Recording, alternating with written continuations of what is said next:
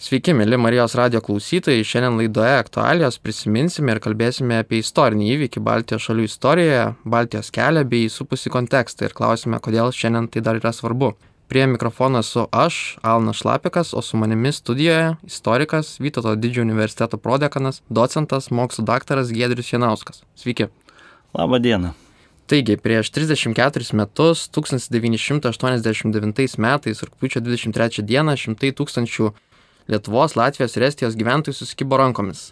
Ir taip sudarė gyvą grandinę nustęsusią nuo Vilnius iki Talino, taip simboliškai atskirdami Baltijos valstybės nuo Sovietų sąjungos, išreikšdami laisvės sėkimą. Nusikelkime kelis metus atgal ir pažvelkime į 80-mečio pabaigą. Kokia politinė situacija vyravo Lietuvoje? Politinė situacija, aišku, iš šiandienos perspektyvos žiūrint, atrodo labai viltinga Sąjūdis iš tikrųjų buvo ta organizacija, kuri leido tai vilčiai skleistis vis labiau, bet tai nebuvo labai paprastas laikas. Jis nebuvo paprastas dėl keleto priežasčių. Visų pirma, mes vis tiek kalbam apie Sovietų sąjungą kaip egzistuojančią valstybę, apie visą grėsmę, kurią kėlė tiems, kurie bandė išstoti prieš esamą režimą ir esamą santvarką, kurie bandė kelti netinkamus ar nelaukiamus, nenorimus klausimus viešojoje erdvėje.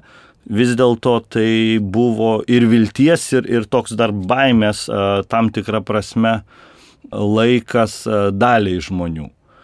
Taip pat noriu pasakyti, kad tos vilties būta kur kas daugiau dar ir dėl to, kad ne viskas buvo susiję tik su Sovietų sąjunga ir, ir Mikhailas Gorbačiovas ir kiti aukščiausi Sovietų sąjungos lyderiai, jie jau buvo be praranda kontrolę įvairių grupių, kurios ėmė veikti, ryšiai tarp žmonių gyvenančių Sovietų sąjungoje ir laisvajame pasaulyje taip pat nuolatos vis stiprėjo vis daugiau buvo galimybių perteikti žinias, keistis idėjomis, galvoti, kaip reikėtų veikti, tartis kartu.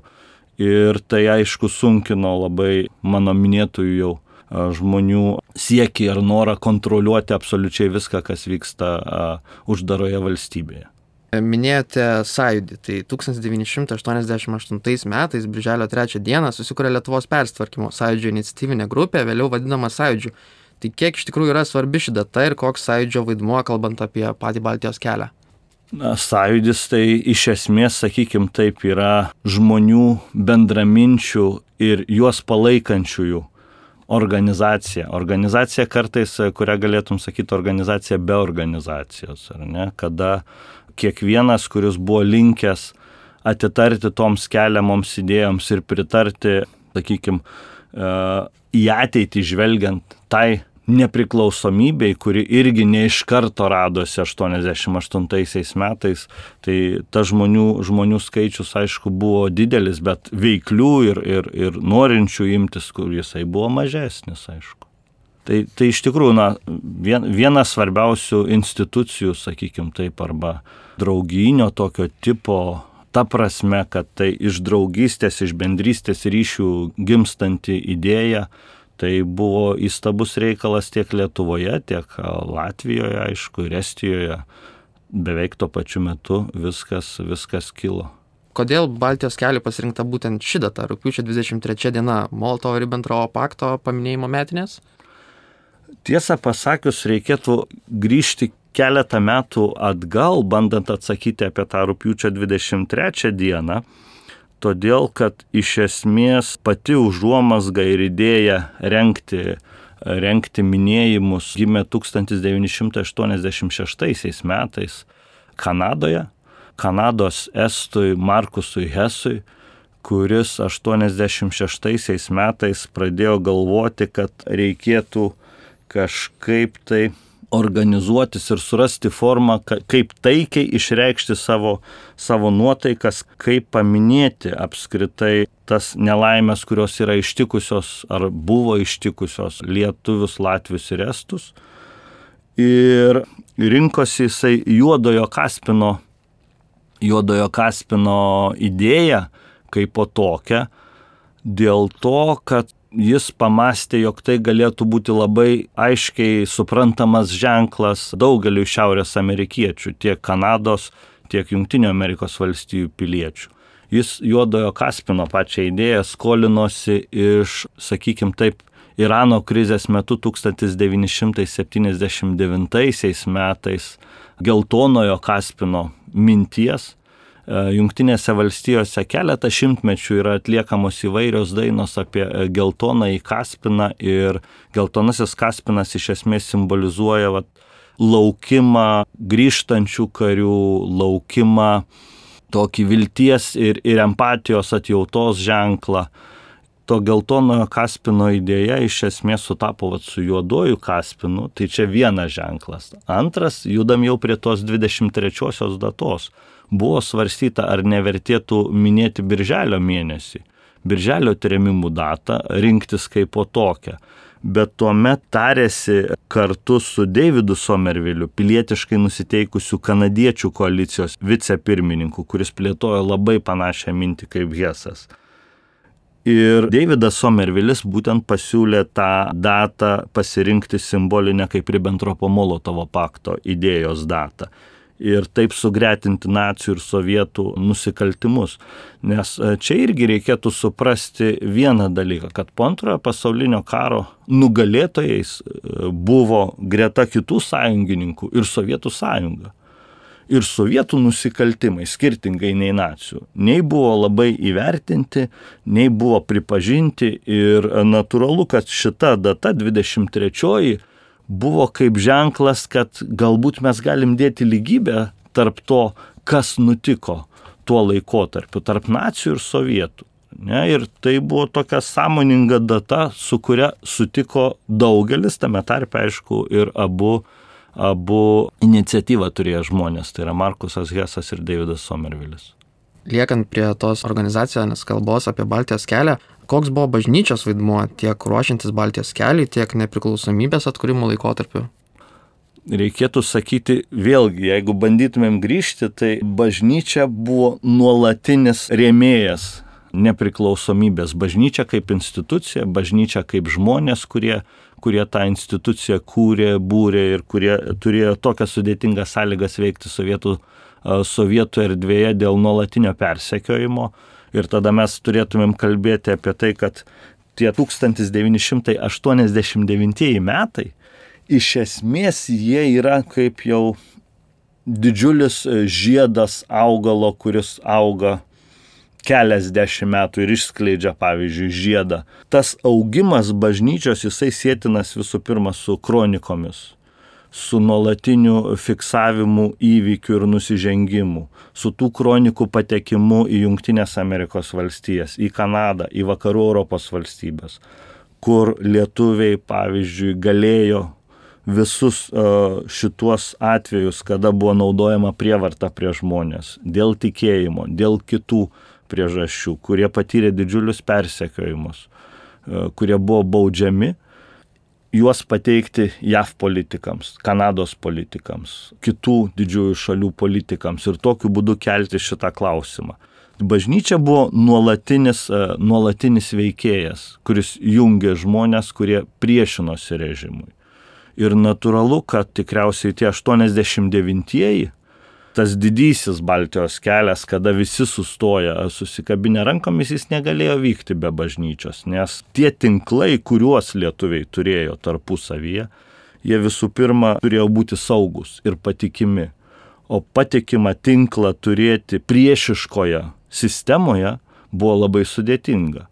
O vienas patikimiausių buvo bažnyčios tink, turimi tinklai, katalikų bažnyčios turiminti. Ir tada aišku, kad katalikų bažnyčios vaidmuo kartu su politikais, turiu minti tiek Vytautą Landsbergį, tiek patį Algirdą Brazauską, kurie irgi aktyviai įsitraukė į, į, į Baltijos kelio paskui organizavimus ir, ir aišku šitos dalykus žinojo. Tai va, visa ta erdvė, suma, sakykime, pastangų jinai ir lėmė jinai lėmė tą sėkmę. Tai bažnyčios reikšmė, mano manimu, yra labai didelė. likime ties kai kuriomis bažnyčios asmenybėmis, tai Vincentas Latkevičius, Lietuvos kardinolas, 1989 metais vasario 7 dieną paskirtas Kauno arkivyskupu. Ar jis prisidėjo prie sąjūdžio veiklos ir kokia buvo įtaka Lietuvos nepriklausomybės judėjimui?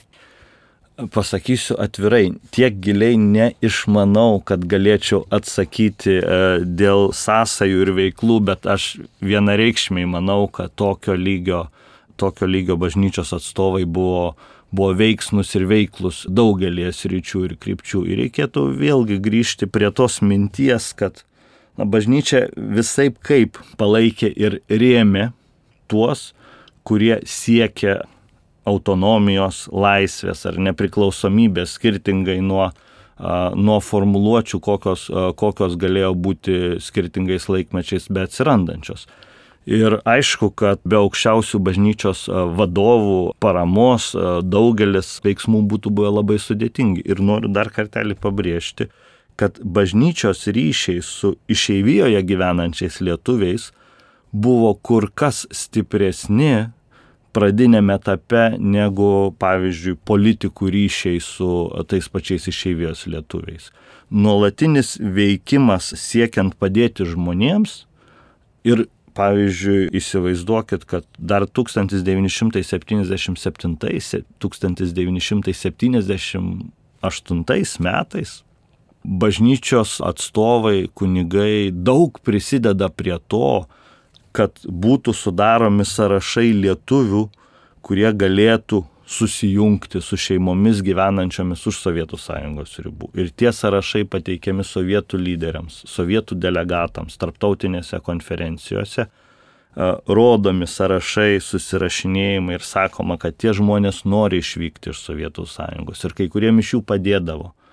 Taip pat, kaip sakau, tekstai, fiksuo, kuriuose fiksuotie ir nusikaltimai ir nusižengimai, jie irgi būdavo padedami Helsinkio grupė, kurioje irgi pakankamai aktyviai veikta. Tai daugybė veiksnių, kurie rodo nuolatinį bažnyčios aktyvumą trunkantį ne vienais metais ir bažnyčios aukščiausių pareigūnų, bet dešimtmečiais praktiškai, sakykime, iki pat nepriklausomybės atgavimo tuometinis popiežius Jonas Paulius II, Lenkas, tai jo buvimas popiežiumi tikriausiai irgi turėjo poveikį tiek Baltijos, tiek Lenkijos šalių nepriklausomybės siekiams, ar ne? Taip, milžinišką poveikį.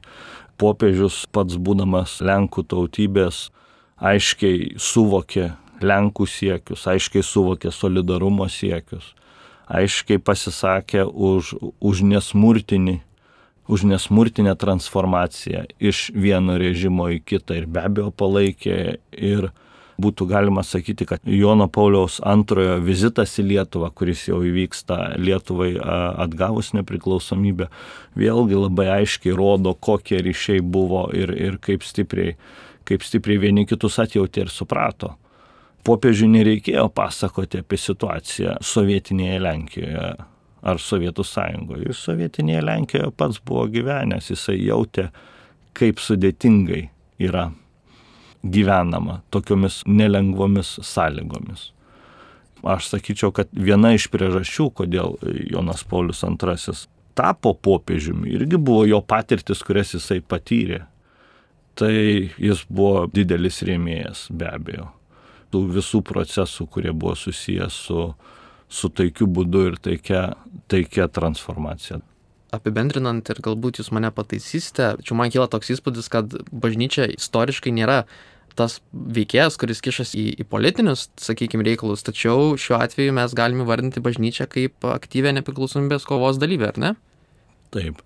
Na, bažnyčia ir politika visą laiką persipinantis e, dalykas yra, jeigu žiūrėtumėm nuo viduramžių ar ne, tai aišku, skirtingų epochų laikmečiais, vienais mažiau, kitais daugiau, su politika tas, e, ta, tos sąsajos susijėtos, bet tokiu laikmečiu, kai yra sprendžiamas sakykime taip, e, tautos ar tautų likimas gyvenančių Lietuvoje, tai natūralu, kad bažnyčia yra įsitraukusi ir labai aktyviai labai aktyviai veikianti. Ir apskritai, na, jeigu žiūrėtumėm į Baltijos kelio visą logiką, ar ne, tai 1987 metais, jeigu aš neklystu, 14 pasaulinių organizacijų imasi or, imasi veikti ir pritarė tokiam Baltijos kelio formato arba tarptautinio juodojo Kaspino, dar Baltijos kelio tuo metu nėra, tarptautinio juodojo Kaspino dienos minėjimui. Ir tie minėjimai vyksta praktiškai visuose žemynuose, gal Azijoje mažiau, bet Australijoje, Šiaurės Amerikoje, Europoje, na, kai sakau praktiškai visuose šiek tiek perdedu, nes Afrikoje ir Pietų Amerikoje tai nevyko.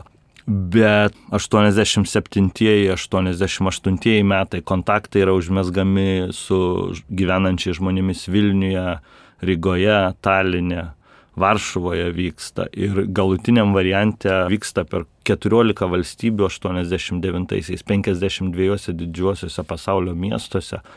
Ir natūralu, kad tos pirmosios, tos pirmosios jungtys tokios, kaip tie tinklai tokio tipo gali susidaryti, tai jie per parapinės struktūras visų pirma yra einantis, per bendruomenės, kurios yra veiksnios, veiklios, per žmonės, kurie yra aktyvus.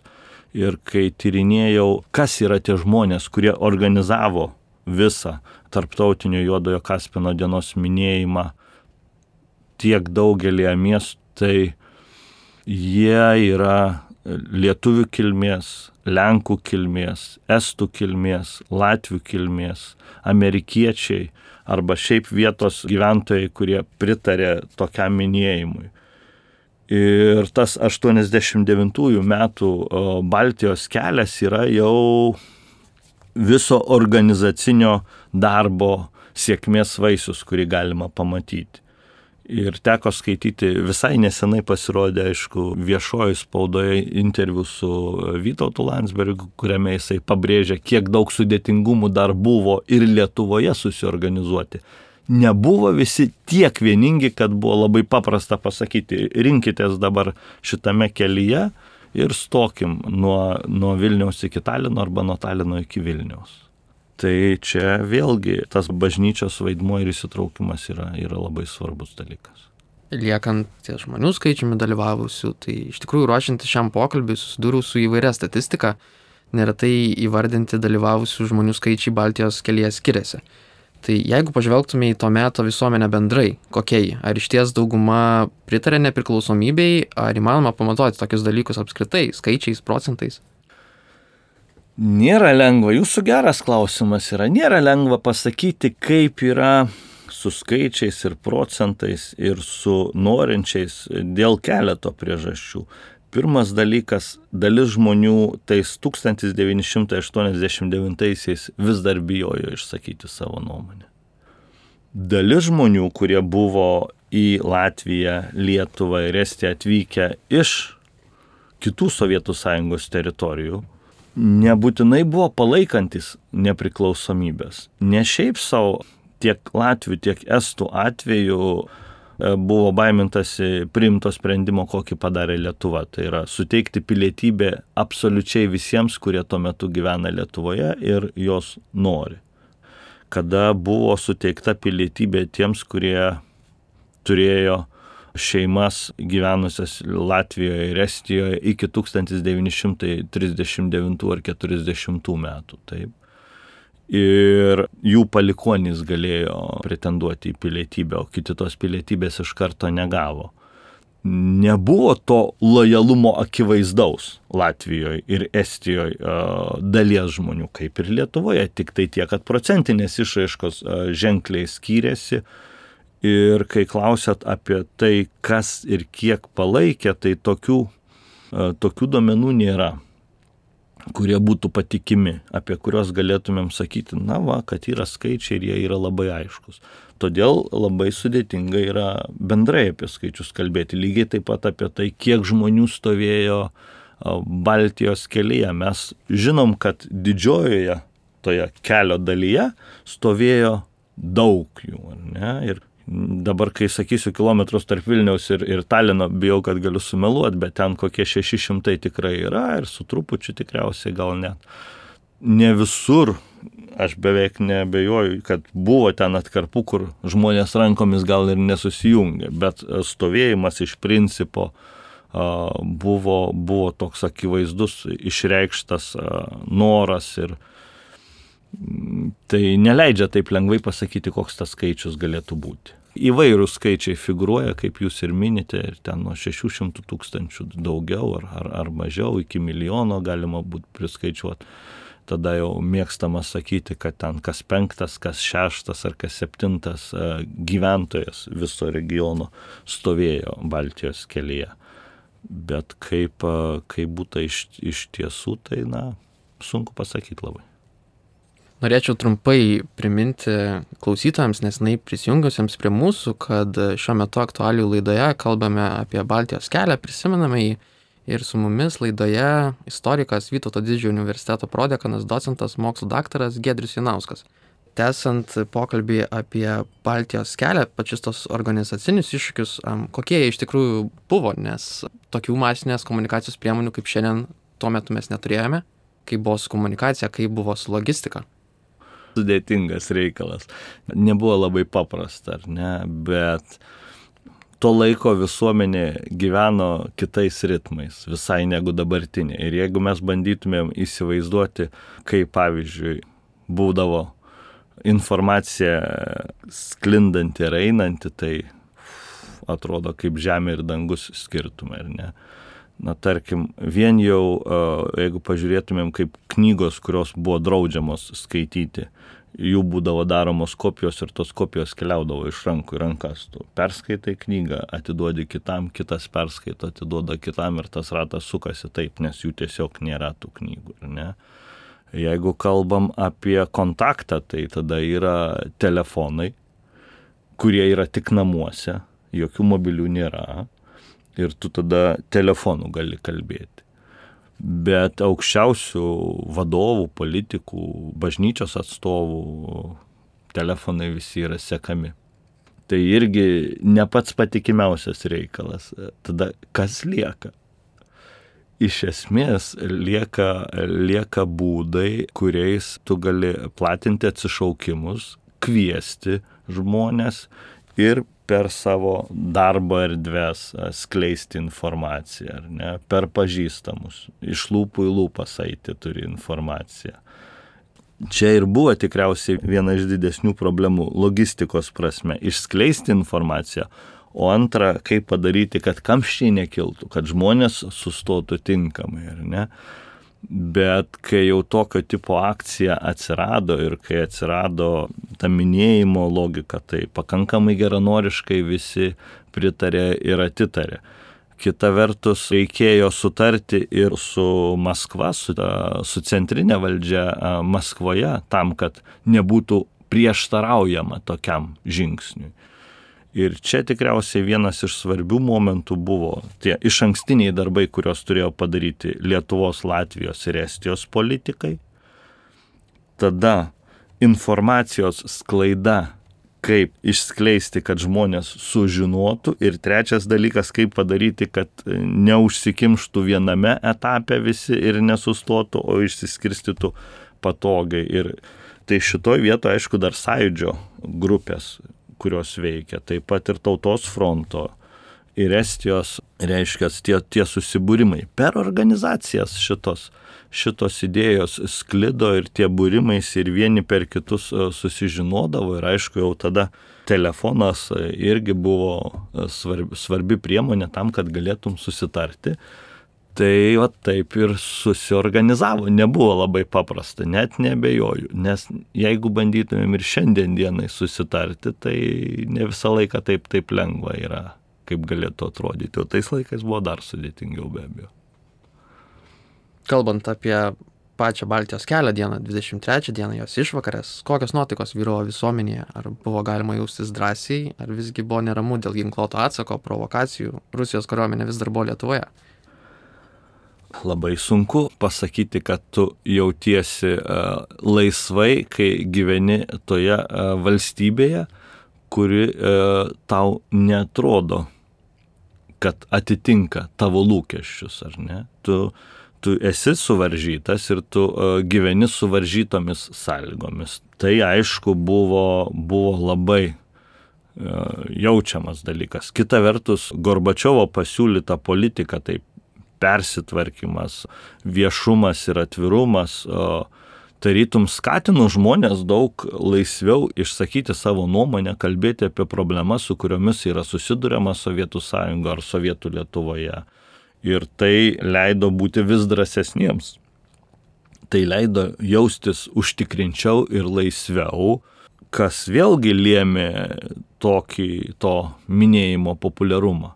Ir ta 22 diena, sakykime, taip simboliškai paimkim ją kaip svarbę datą, tą ruošimosi datą, jinai visą laiką yra su tuo lūkesčiu, kad viskas bus gerai ir kad bus išvengta bet kokių nesutarimų ir ypač su kariuomenė. Ir aišku, tą reikėjo, tą reikėjo užtikrinti, reikėjo įtikinti Maskvą, kad tai yra tinkamas būdas išreikšti savo nuomonę, kad tai yra taikus ženklas. Ir didelė įtaka, kiek suprantu apskritai sąjūdžio pozicijai ir lietuvių, latvių, estų pozicijoms darė tai, ką Gandis savo laiku buvo įvardinęs kaip taikų perėjimą, kaip taikų protestą.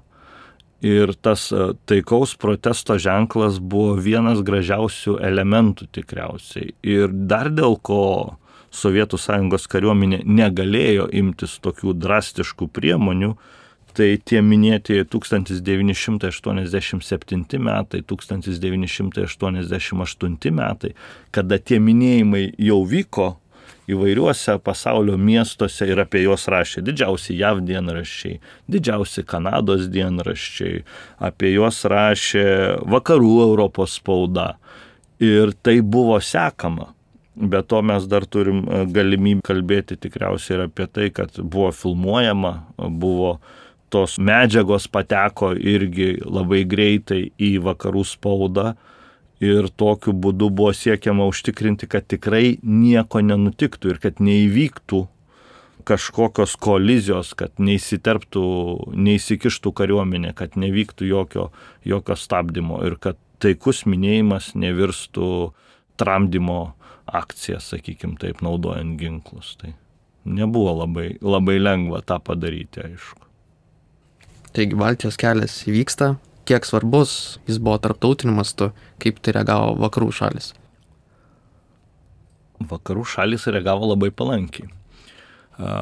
Visų pirma, kaip jau minėjau, ta geltonojo Kaspino diena, jeigu taip kalbėti apie amerikietiškąjį suvokimą, tai šiandien dienai jau geltonasis Kaspinas suvokiamas kaip liūdėsio empatijos simbolis atjautos simbolis ir ta juodojo Kaspino diena, vat, kuris susijęta su to geltonoju Kaspinu, apie kurį prieš tai minėjau, jinai yra atpažįstama amerikiečiams kaip idėja, jinai yra labai aiškiai suprantama ir amerikiečių palaikymas, kanadiečių palaikymas, vakarų Europos visuomenių palaikymas tokiam taikiam elgesiui buvo milžiniškas.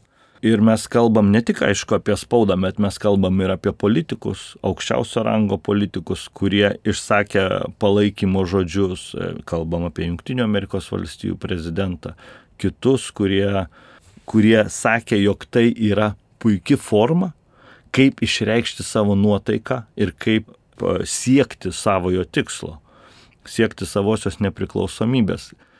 Tai nėra labai dažnas atvejis pasaulyje, kada taikiai siekiant, tu susitari tarpusavyje su tais, kurie prieš tave nusiteikia. Tai čia šiuo atveju reikėtų sakyti, nepaisant viso to, kas nutinka, kai jau tampame nepriklausomi, turiu mintį sausio, sausio 13 dieną, kuri labai yra juodojo kaspinų irgi, irgi minima pas mus, ar ne, kada kariuomenė vis dėlto ryžosi, taip sakant, pulti taikius žmonės, bet ilgą laiką labai to pavyko išvengti ir dėl to, kad Sovietų sąjungos lyderiai, visų pirma Mikhailas Gorbačiovas, nebuvo linkęs tų ginklų naudoti, nebuvo pasiruošęs kariuomenės įtraukti čia ir viską, ir viską riboti. Tai va tas susišnekėjimas Sovietų sąjungos viduje darė didžiulį įspūdį pasaulio lyderiams. Tai rodė ne tik lietuvių norą tapti nepriklausomais, bet ir būdą, kaip lietuviai nori tapti nepriklausomais, nedėdami ant laisvės aukuro aukų, darydami viską maksimaliai taip, kad nežūtų niekas, kas dalyvauja taikiuose protesto minėjimuose, demonstracijose ar dar kur nors. Jeigu jūs pažiūrėtumėte į pasaulio istoriją, tai tokio tipo renginių, apie kuriuos aš neku, kurie buvo suorganizuoti ir kurie vyko palaipsniui metai iš metų ir galiausiai virsmas iš komunistinės į santvarkos į nepriklausomos Lietuvos laiką, nepriklausomos Estijos, Latvijos laikmetį, toks saugus ir ramus nedaugeliu atveju vyksta pasaulyje. Tikrai labai nedažnai tai nutinka ir tai darė didžiulį įspūdį visiems, kas tai regėjo, matė ir natūralu, kad 1989 m. rūpiučio 23 diena buvo visos pasaulio žiniasklaidos dėmesio centre, žiniuose, kitur aptarinėjo analitikai, aiškinosi, žiūrėjo, kas vyksta. Daliai tai aišku buvo didelė nuostaba, kad taip yra, bet tai buvo rimtas, rimtai išreikštas siekis e, noro būtent taip pasiekti savo. Kiek svarbos turi tai, kad Baltijos kelyje dalyvavo visos Baltijos šalis? Ar to bendradarbiavimo apraiškų tarp šalių buvo iki tol, ar būtent tai, kad visos trys tautos sugebėjo stelkti jėgas ir buvo vienas Baltijos kelio pasiekimų? Jūs esate teisus, pradėkime nuo antrosios dalies. Tai buvo vienas iš Baltijos kelio pasiekimų, bet tuo pačiu reikėtų sakyti, kad istoriškai ne visą laiką pavykdavo susitarti lietuviams, latviams ir estams. Dėl daugelio priežasčių ir jeigu žiūrėtumėm į ankstesnius laikus, skirtingoms valstybėms, tos teritorijos priklausydavo, net kai e, buvo bandoma Baltijos Antantę suburti 1934 metais, irgi buvo pakankamai sudėtinga. Nepavyko susitarti lietuviams, latviams ir estams dėl sėkmingo veikimo trijų šalių tuo laikotarpiu. O kasgi keičiasi tada prieš tuos 89 metus jau 20-ojo amžiaus? Vieni, kiti ir treti gyvena Sovietų sąjungoje, gyvena Sovietų respublikose. Jie gyvena sovietiniai sistemoje ir labai aiškiai suvokia Sovietų sąjungos pliusus ir minusus. Lygiai taip pat supranta, kad veikdamas vienas ir nederindamas niekaip savo politikos veiksmų su kitais, kurie masto panašiai, tu lieki vienas prieš centrinės Maskvos valdžią. O buvimas trysia keičia situaciją kur kas stipriau. Ir reikia vėlgi nepamiršti, kad gyventojų skaičiumi Sovietų sąjunga buvo pakankamai didelė valstybė, virš 200 milijonų žmonių. Tai jeigu mes kalbam apie skaičių gyventojų, kurie gyveno Lietuvoje, Latvijoje ir Estijoje, tai jų skaičius saliginai nedidelis ir taip bendrojo, bendrojo žmonių masėje. Bet tam, kad pojūtis būtų stipresnis. Tam, kad galėtum lengviau atsispirti ir kalbėti vienu balsu, reikėjo pasiekti tuos rezultatus ir jie vieni kitus labai aiškiai atjautė. Nes visų pirma, tos karčios patirtis, sunkios patirtis, trauminės patirtis, aišku, būrė, lygiai taip pat kaip ir gyvenimas kartu Sovietų sąjungoje būrė. Buvo labai paprasta susitarti nes visi buvo patyrę panašius likimus ir panašaus likimo žmogui susitarti tada buvo lengviau šiek tiek, aš sakyčiau, jie atjautė vieni kitus ir suprato tuo laiku. Ispanų kilmės amerikiečių filosofas Džordžas Santajana yra pasakęs, tie, kas neprisimena praeities, yra pasmerkti ją kartoti. Kokias pagrindinės Baltijos kelio pamokas išskirtumėte, pabrėžtumėte šių dienų visuomenį, ypatingai turint omenyje šių dienų geopolitinį kontekstą? Aš galvoju, kad Baltijos kelio pamokos yra išmoktos. Jos yra suprastos, jos yra mūsų kasdienio gyvenimo dalimi jau šiandieną. Jeigu mes pažiūrėtumėm, kaip sureagavo Lietuvos, Latvijos ir Estijos visuomenės į tai, kas nutiko Ukrainoje karo atveju, ar ne, tai mes iš karto pamatysim, kad ne tik, kad derina savo veiksmus tarpusavyje aukščiausi valdžios pareigūnai, bet ir visuomenės vienos, antros ir trečios šalies jaučiasi labai panašiai. Palaikymas ukrainiečiams yra didžiulis. Ir jeigu žiūrėtumėm į tai, kaip veikia Latvijai, Estai ar Lietuviai, galėtume matyti skirtumus, bet pati pagrindinė mintis yra labai aiški. Lygiai taip pat, jeigu mes žiūrėtumėm į politiką, ES, NATO įstojimai eina praktiškai kartu, derinimai vyksta kartu. Galbūt didžiausia kol kas kliūtis, kuria, kurios niekaip nepavyksta įveikti ir kur dar pamokos, kurias reikėtų išmokti, tai yra mūsų vieni kitų pažinimas. Aš turiu minti ne, ne politikų susišnekėjimo, ne idėjų prasme, bet realaus gyvenimo prasme. Ir dabar po truputį, aišku, tai keičiasi, bet jeigu aš klausdavau savųjų studentų, kas iš jūsų turite draugų Latvijoje ir Estijoje, nedažnai rankos kyla, kai studentų šito klausimo paklausti.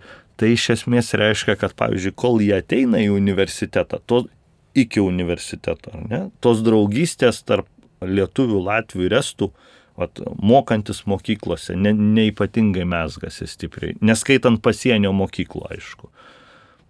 Bet tada, jeigu klaustum kito klausimo, ar esat matę estų, estų kurtus filmus, latvių filmus, ar turit galimybę pamatyti Estijos, Latvijos televizijas, ar turit galimybę a, greitai ir lengvai pasiekti Taliną.